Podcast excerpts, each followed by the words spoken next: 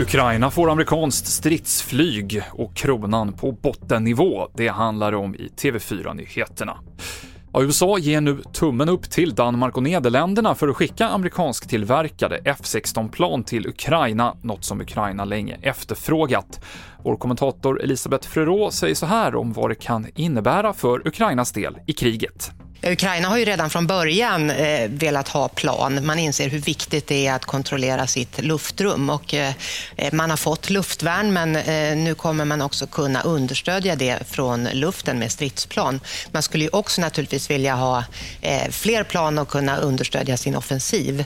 Eh, det kan ju dröja, men det här är en väldigt viktig eh, psykologisk signal om att väst eh, menar allvar med att på sikt stödja Ukraina för att de ska kunna avgöra kriget.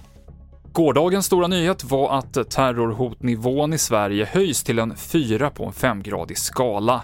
Samtidigt var uppmaningen att vi inte ska begränsa våra liv något som många upplevde som dubbla budskap.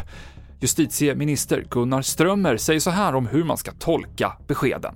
Å andra sidan så är huvudbudskapet att en höjning av eh, bedömningen eller terrorhotet eh, riktar sig framför allt till våra myndigheter och andra viktiga samhällsaktörer som har ett ansvar för trygghet och säkerhet så att medborgarna kan leva ett så normalt liv eh, som möjligt.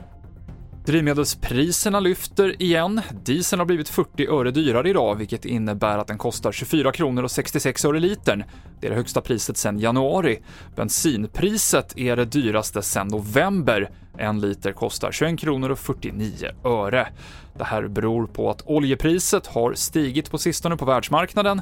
Den svaga svenska kronan påverkar också, för kronan har idag fallit till en ny rekordlåg nivå mot euron. För en stund sedan kostade en euro 11 kronor och 93 öre. Kronan försvagas även mot dollarn som kostar nästan 11 kronor. TV4-nyheterna i studion Mikael Klintevall.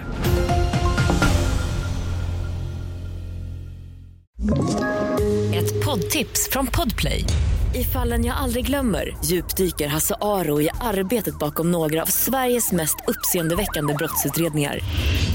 Går vi in med hemlig telefonavlyssning och, och då upplever vi att vi får en total förändring av hans beteende. Vad är det som händer nu? Vem är det som läcker?